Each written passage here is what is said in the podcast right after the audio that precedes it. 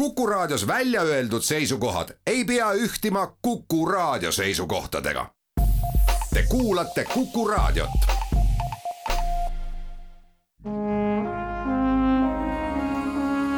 Vanemuise veerand. tere kõigile teile, head Kuku raadio kuulajad, Vanemuise veerand alustab ja täna on meil saates külas balletiartist Aivar Kallaste, tervist! tervist! mina olen saatejuht Tiiu Rööp. Vanemuise teatris oled sa alates tuhande üheksasaja seitsmekümne seitsmendast aastast. kui sa tulid Vanemuise teatrisse, kas sinus oli see teadmine, et nii, nüüd ma jäängi Tartusse? enne seda ma olin ju seitse aastat teinud Estonias etendusi oma lavapraktikaga seoses ja olin väga kinni Estonias, sest ma ülejäänud õhtud siis istusin ooperis ja ja üleüldse olen Tallinnas sündinud, sealt pärit, seal kooli lõpetanud, et tulin huviga, aga mingi see teadmine ikka oli, et ma lähen kunagi koju tagasi.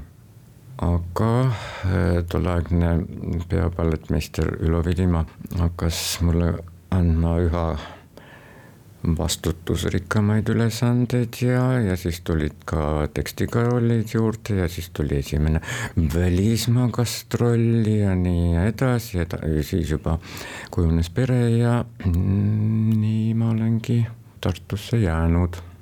oled Tartuga ära harjunud, siin on Emajõgi, Tallinnas on meri. Meri ikka tõmbab jah, ega ma ütleme niimoodi viisakalt, et Tallinn on sünnilinn. Estonia on esimene teater, Tallinn on esimene linn. sa oled koostööd teinud väga paljude koreograafidega.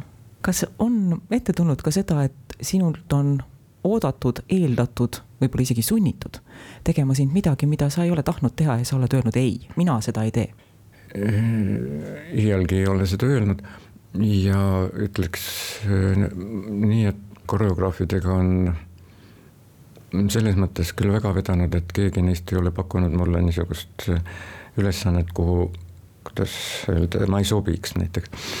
ja kõigepealt oli pikk periood, kus Ülo Villimaa tegi oma lavastusi minu peale, edasi tuli Mare Tomingas, kes samuti ja minuga siis tuli Janek Savolainen, edasi jällegi juba noorematest Ruslan Stepanov, kellega äh, oli põnev koostöö ja nüüd on siis Marika Aidlaga mitu hästi südamesse läinud tööd olnud, üks äh, tore kolleeg ütleski kunagi no, no küll sul on neid ihulavastajaid ikka palju olnud noh, tähendab, nad ei ole üksteise järel tulnud, nii et vaid selles mõttes, et üks kadus ja teine asenduseks, vaid ikka eelmiste koreograafidega on ka töö jätkunud. Ma ei ole kunagi ühelegi lavastajale ei öelnud, aga samal ajal ei ole ka üheltki mitte midagi palunud rolli mõttes. kas on mõni žanr, milles ei ole Vanemuises laval käinud, kõike on tehtud? kaheksa-aastaselt ma teadsin kindlalt, et ma tahan saada ooperilauljaks ja siis ma uurisin, et kuidas seda eriala noh, omandada ja mulle tehti selgeks, et no kuna sa oled poisslaps, et siis enne häälemurret klassikalist laulu ei õpita, et oota veel veidike, aga noh, et kümneselt sa saaksid näiteks balletikooli minna, et proovi esialgu sinna. nii ma läksingi, siis mind võeti vastu mind lasti isegi lõpetada ja suunati tööle ja see ooperilauljaks saamine ongi minu ilus unistus ja ma arvan, et las ta ollagi edaspidi ka unistuseks. nii et mm, ooperisse mind ei ole veel lastud, ainuke žanr. kas ei ole mõttesse tulnud, et võtaks laulmistunde ja, ja prooviks ikkagi lapsepõlve, noorepõlve unistust teoks teha? ja oli küll, siis kui ma teatrisse tulin, siis ma pöördusin kõigepealt eh, meie kuulsa tenori Endelani poole ja tegime hääleharjutusi ja siis ta läks ikka kõrgemale ja kõrgemale ja siis ütles mulle lõpuks resümeeks, et jah, et noh, selle toost on eh, mõned noodid puudu, aga kui me töötame, siis tuleb sinust tenor. järgmine kord ma pöördusin kuulsa bassi Evald Tordiku poole tema läks ikka allapoole ja allapoole ja ütles, et oi jaa, kui natukene veel töötame, siis saab sinust bass. kolmandal korral ma pöördusin Noore Kauni lauljatari poole, kes just oli teatrisse tulnud. ja tema ütles, et no tead, pigem jää heaks tantsijaks, kui saab sinust nõrk laulja. nii et jah, temast minu laulupedagoogi küll ei saanud, aga hoopis abikaasa. nii et me laulame kodus rõõmsalt ja ka tütrega, sest temagi õppis akadeemias ja, ja laulis ka teatris meil mitmeid rolle siin. nii et äh, lauluga olen ma ümbritsetud pakun, et mina ei ole teps mitte esimene inimene, kes küsib seda sinu käest ja ma arvan, et seda jõutakse sinu käest veel küsida. mis see on, mis hoiab sind laval? see on üks hästi ära kulutatud klišee, et raadio pilt ei näita, aga praegu jäid raadiokuulajad imelisest pantomiimist ilma. mul on sellest väga kahju esimene kokkupuude Estonia teatriga oli äh, läbi klassi ühiskülastuse. siis ma õppisin esimest kolm aastat äh, Tallinna esimeses keskkoolis, see on siis praegune Gustav Adolfi nimeline ja me läksime vaatama Pähklipureet. ja siis ma ei, pärast etendust ma ei saanud aru, mis minuga toimub ma ei tahtnud kuidagi sellest imelisest maailmast äh, väljuda, äh, see äh, suurte raskustega sain maa peale tagasi. ja vaatasin, et järgmisel pühapäeval on tagas Pähklipure ja muidugi ma läksin siis juba ilma klassikaaslasteta. ja siis järgmisel pühapäeval äkki mingisugune võluflööt, no hea küll, ma läksin siis seda ka vaatama. seal ei tantsitud, hoopis lauldi, aga ma võtsin selle kohe omaks ja nii hiljem juhtus see, et ma kuulsin mingit lõiku Trubadurist raadios. ja mul oli tee peal Vene tänava nurga peal Estonia mängukava koos fotodega ja, ja sealt vaatan äkki, oi, see Trubadur on ka repertuaaris noh, eks ma siis mängusin kodus, et kas ma nüüd võiksin juba hakata ka õhtustel etendustel käima, sest see trubadur ei olnud mingi laste pühapäeva hommikune. nii ma hakkasin siis ka käima ja käima, kuni äkki tundsin, et oot-oot, aga, aga ma tahaks eh, sinna teisele poole seda orkestriauku mm,. ja siis tuligi see eh, ooperilaulja mm, mõte mulle pähe. Aga lavale miks, minu arust see on niisugune iseenesestmõistetav, et see jah, kerge on küsida, aga raske vastata. Vanemuise veerand. oleme pausilt tagasi, stuudios on Vanemuise kogemusterikas balletiartist Aivar Kallaste ja saatejuht Tiia Rööp. saad sa nimetada oma elu tähtsündmusi? lavaelu äkki? no, lavaelu. Aga miks ei võiks olla dialoog, mis läheb, miks mina pean kogu aeg rääkima? sellepärast, et sina oled intervjueeritav ja sina oled nii kaua Vanemuise laval olnud. ma lugesin jah seina pealt, et nelikümmend viis sai.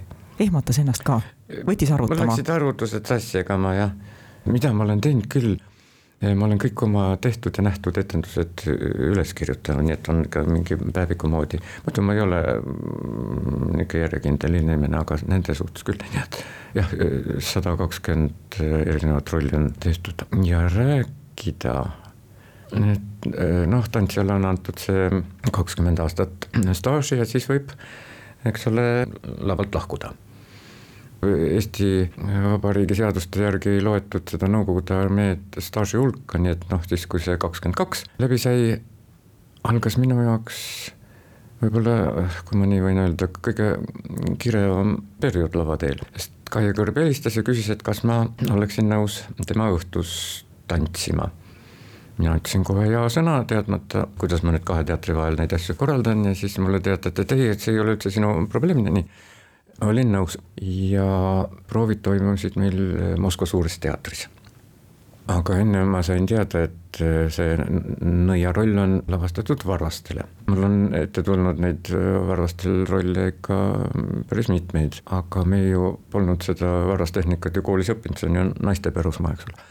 et ma siis ise hakkasin töötama ja küsisin tütarlastelt, et mis ja kuidas ja ja tookord oli ka nii, et ma ei teadnud koreograafiat ette, aga võtsin kingad välja ja igal õhtul siis, kui viimane proov lõppes, siis vaikselt äh, ronisin saali ja hakkasin mm, ennast vormi ajama. Ja selle äh, Macbethi lavastas Vladimir Vassiljev, kes tantsijana oli minu iidol, aga siis tema lavastus läks kunagi Suures teatris aga sel perioodil, kui meie seal töötasime, oli ta just hetkel siis balletijuht. nii et ma sain lähedale oma tähele, et see oli erakordne, hästi, hästi armas inimene proovides sain kiita ta käest, ütles, et oi kui head teravad jalad sul on ja, ja ma pidin ju istuma Moskva Suure teatri saalis neid kuulsaid fueteesid, need olid ka koreograafis sees, siis kui me esimest korda seda video läbi vaatasime. ja oh, no nii, aga see sai üle elatud. Oli hea, mida tavaliselt küsitakse ka või rääkige nüüd naljalugu, mis teil laal on juhtunud. Ma ei talu neid üldse, sest need naljalood juhtumise hetkel ei ole kunagi naljakad, hiljem siis läbi tagantjärele tarkuse või suhtumise nad muutuvad ja siis võib neid naljalugudena pidada, aga see oli hoopis teine. et ma läksin hommikul vara Suures teatris treeningule ja olen seal garderoobi ukse taga lukus. Hmm.. Ühtegi hingelist ja siis nägin seal pika koridori lõpus keegi liigutas, vaatasin, oi, ongi puhastusteenindaja ja tuli minu juurde ja ja küsib, et mis äh, number garderoobis te olete, et kas te olete balletikoolist või ma siis natuke kangestusin, mõtlesin, ahaa, ongi esimesel pensioniaastal aeg tagasi kooli minna. Aga see ei olnud mingi vanem äh, proua, kes ei näe ega kuule, vaid äh, noor naisterahvas. noh, hiljem ma siis ütlesin, et ma panen siis selle endale komplimentide ritta. aga ukse ta lahti tegi. tähtsündmustest pidin rääkima mm. -hmm ah,. üks eriline päev tantsija elus, ma ütleks küll. Estonia oli Giselle'iga siin ja vaheajal tuli nende mm, trupi administraator minu juurde ja ütles, et tead, Aivar, et meil on käskkiri väljas ja sina oled krati äh, nimi osas, et kas Mai Murdmaa on sulle üldse teatanud? ma ütlesin, et ei ole. samal ajal ma olin nii nagu soolasammas seal sellest õnnest või, või tulid mul tiivad külge, ma ei tea, mis, mis see kõik korraga toimus. sellest oli veel vähe. ma pidin veel midagi üle elama. Sama vaheaja jooksul, keerasin ümber nurga, hakkasin sinna lava poole minema ja meie balletijuht Mare Tomingus teatas mind ja ütles, tead Aivar, et ma olen natuke aega sinu peale mõelnud, kuule, teeme järgmise koostöö äh, jälle koos, et äh, Mozart. Noh, mina no, kujutame siis ette, mis see inimesele tähendas, et kus taevas ma siis asusin. et eh, mõne minuti jooksul kaks sellist erakordset pakkumist. Ja nii see siis oli, mitu aastat ma sõelusin kahe teatri vahet. Ja ah, eriline kingitus, näiteks esimene Kratti seadeproov Estonias oli minu neljakümnendal juubelipäeval. ka ilus king, kas saab artistile midagi paremat veel olla, küsin ma. Ja vastan ka, ei saa nii, ja nii need Mozart ja Kratt käisidki käsikäes nii prooviperioodil kui millegipärast hiljem ka mm, etendustena, et äh, oli, kas üks oli siin ja teine seal või, või äh, vastupidi oh,. ma räägiks ka ellujäämiskursustest näiteks. muidugi. eks ju Neid ju on pakutud vaatamata sellele, et ma olen Nõukogude karastusega. ja äh, see, meil oli, tähistasime Ida Urbeli sajandat, selleks puhuks siis äh, tõime välja kogu repertuaari, nii et iga õhtu oli erinev etendus. Ja, ja lõpuks galakontsert ja siis enne seda helistas Dima Hartšenko, kellega me vaheldumisi kratti tantsisime, et kuule, tead, et ma olen Peterburis sessile, et kuule, kas sa saaksid homme kratti teha, ma ütlesin muidugi saan.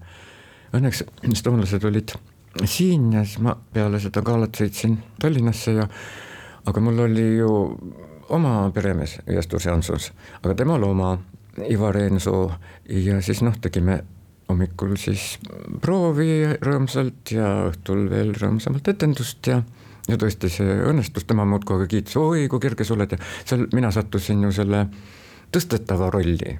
tema oli see nii-öelda meespool ja mina siis see, keda üles kangutati, seal oli mitmeid tõsted nii sirgetele kätele kui nii, igatahes etendus meil õnnestus ja noh, siis tavaliselt äh, selle bussiga tulin tagasi, kell kaks jõudis ta Tartusse, pool seitse üles, seepärast et kell kaheksa me sõitsime siis ähm, Ida-Virumaale loengkontsertidega, et sel perioodil meil oli hästi vahva koostöö Eesti Kontserdiga. me valmistasime ette kolm erinevat balletiajalugu ähm, puudutavat kontsertvestlust see olid hästi vahvad koolides käia ja tutvustada, nii et siis oli veel äh, tagatipuks need kolm. aga ei murdunud, ellu jäin. vahel ikka mõtlen selle peale, et kui ränk raskeid rolle ma olen tantsinud ja ma ikka veel koberdan ringi, see on ju siis, aga äkki ongi midagi mulle antud või. igatahes ma tänan oma vanemaid heade geenide eest, enda poolt ma ütleks tähtsad on õige mõtlemine, õige elukutse, õige toitumine ja kõike seda armastusega. Selline sai algselt dialoogina planeeritud, kuid monoloogiks kujunenud jutuajamine Aivar Kallastega. saatejuht Tiia Rööp tänab külalist ja kõiki teid, kes te kuulasite. Vanemuise veerand on taas eetris nädala pärast. Vanemuise veerand